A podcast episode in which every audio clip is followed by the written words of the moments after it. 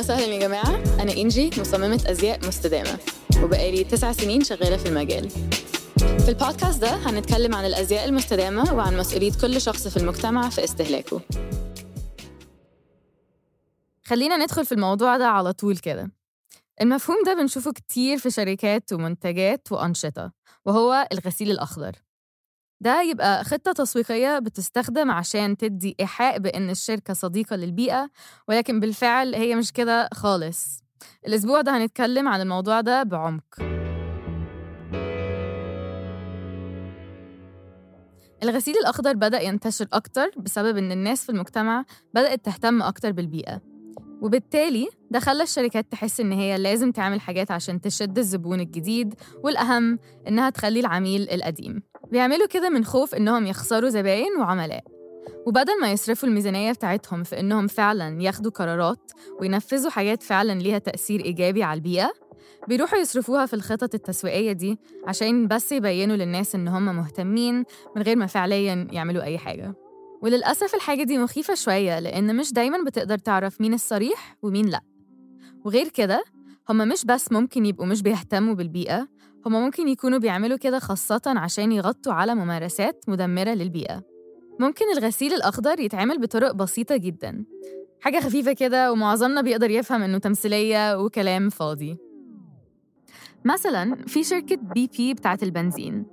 في سنة 2000 غيروا اللوجو بتاعهم على شكل شمس أو وردة صفراء على خلفية خضراء عشان تربط الإحساس إنهم شركة صديقة للبيئة. ولكن كلنا عارفين إنهم مسؤولين عن أكبر تسرب نفطي بحري في تاريخ صناعة النفط. ومفيش حاجة خضراء أو صديقة للبيئة في حفر النفط. كل ده عشان يحسنوا من صورتهم البيئية والاجتماعية. طبعاً المفهوم ده برضو موجود في عالم الأزياء بس فعلاً ساعات مش بيبقى باين خالص. وإحنا كناس عايشة في عصر المستهلك الواعي أكيد فاهمين إن المشاكل الكبيرة ملهاش حلول بسيطة. الفكرة دي ممكن تساعدنا نفقس الحاجات البسيطة اللي هم بيعملوها. قبل ما ندخل في إيه هي الحاجات البسيطة دي خلينا نفهم الأول إيه أكتر حاجات في عملية الإنتاج اللي بتضر البيئة. على حسب مقالة قريتها في website Good on You أكبر وأهم حاجة هي سلسلة التوريدات ودي تعادل 70% من آثار ثاني أكسيد الكربون في مجال الأزياء. السلسلة دي بتبدأ من مصدر الخامات ومراكز التصنيع وطرق الشحن. لو الشركة هتعمل تقرير عن الاستدامة اللي عندهم الموضوع لازم يبقى فيه صراحة وشفافية عالية جدا لأن غير كده بيبقى فيه شك وغموض شوية. في نقطة تانية مهمة وهي المرتبات بتاعة الموظفين. الحاجتين دول ما ينفعش نفرقهم عن بعض. والمشكلة إن برضو في شركات كتير بتغطي نقطة الصداقة للبيئة من غير ما يدخلوا في موضوع شؤون الموظفين. بس إزاي ممكن تبقى صديق للبيئة من غير ما تبقى برضو مهتم بحقوق الإنسان؟ هنرجع للنقطة دي بعدين. لازم طبعا نبدأ ب H&M عملاق من عمالقة الموضة السريعة. بيصنعوا كميات مهولة من الملابس كل سنة. بس دلوقتي بقوا بينزلوا كده اتنين كولكشن مكتوب عليهم sustainable أو eco friendly مصنوعين في نفس المصنع بنفس الإيدين. وبرضه بيصنعوا منها كتير قوي. بس الفكرة إنهم يقدروا يقولوا إنهم بيبذلوا جهد كبير عشان يوصلوا إنهم يبقوا sustainable. وبيدعوا إنهم عايزين يعملوا جهود أكتر عشان يوصلوا إنهم يبقوا 100% sustainable.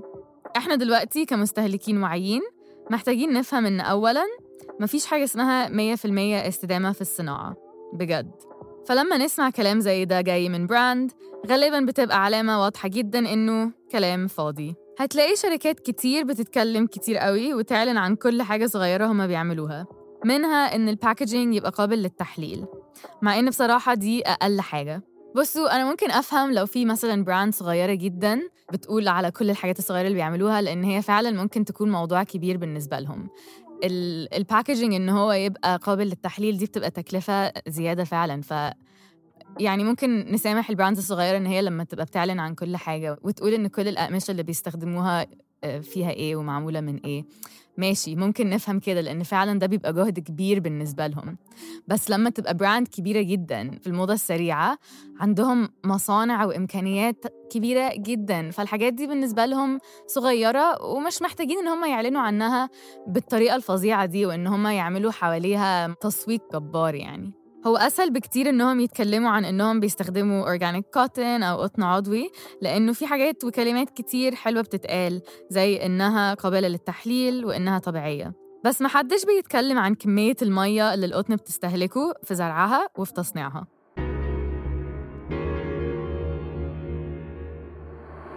عايزة بس أقول ملحوظة سريعة.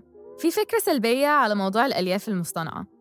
بس أنا عايزة أوضح إن النايلون والبوليستر بيستخدموا تقريباً تلت من كمية المية اللي بتستخدمها القطن. وكمان الأقمشة دي قوية جداً وبتستحمل الغسيل الكتير والاستهلاك. يعني لو اتصنعت بنية إنها تبقى حاجة التصميم بتاعها كويس فعلاً هتصمد مع الوقت. دي ممكن تبقى طريقة صديقة للبيئة أكتر من إنك تشتري تي شيرت قطن بتضطر تغيره كل سنة أو سنتين عشان بيتبهدل من اللبس والغسيل. فاهمني؟ الفكرة إنك بدل ما تشتري أربع تيشيرتات قطن في سنتين ممكن تشتري تيشيرت واحدة قطن مخلوطة بشوية بوليستر وتقعد معاك وقت أكتر بكتير. بس الفكرة هنا بقى إنك تبقى حابب الحاجة دي لدرجة إنك تلبسها على مدى السنين. برضو أنا بكلامي ده مقصدش إن الألياف المصطنعة أحسن من الطبيعي. الحاجتين دول عندهم فوايد وعيوب. أنا بس كنت حابة أوضح لكم إن مش كل حاجة organic تبقى مية في المية كويسة ولا كل حاجة مصطنعة تبقى مية في المية وحشة.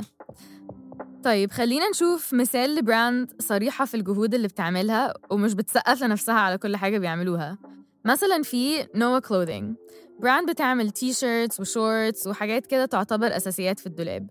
على الإنستجرام بتاعهم وعلى ال website بيقولوا بكل بساطة هما بيعملوا إيه والممارسات والجهود بتاعتهم بس من غير ما يعملوا حفلة. حتى قريت بيان عملوه في Business of Fashion في البيان ده حبوا يوضحوا إن Noah مش شركة مستديمة. وبالرغم من تشجيع الإعلام اللي دايما بيمدح فيهم ولجهودهم في الحفاظ على البيئة هم شايفين إنهم لسه ما وصلوش لمرحلة الاستدامة. وكلامهم ده بيركز على فكرة إنه حقيقي ما فيش شركات أزياء مستدامة في القرن الواحد وعشرين. من وجهة نظر المسوقين نتيجة الكلام ده كانت أحسن بكتير من ما توقعوا. بس بكل بساطة المستهلكين اتعودوا على الكلام الفاضي وقليل لما تقابلهم شركة صريحة عن وضعهم في الطريق للاستدامة وجهودهم للحفاظ على البيئة. الفكرة إن المؤسسين والمدراء يبقوا واعيين جدا عن المشكلة بالكامل ويبقوا متواضعين في موقعهم في المجال. لما تبقى شركة عايزة فعلا تعمل حاجة كويسة وبضمير ملهاش معنى قوي تزين الكلام وتبين نفسها بتعمل حاجة غير اللي هي بتعملها. ممكن عادي تبقى صريح مع العميل والعميل يتفاهم لأن الموضوع صعب. فلما تيجي براند تقولك إحنا مش مية في المية وكل يوم بنتعلم حاجات جديدة وبنعمل على قد ما بنقدر. أكيد مش هتهاجمه ولا هتحس إنه بيضحك عليك لأنه بيقولك حرفيا هو بيعمل إيه. زي ما قلنا في الأول أهم حاجة في رحلة الاستدامة هي الصراحة والشفافية لأنه فعلا ما بقاش في وضوح كتير في الليلة دي كلها.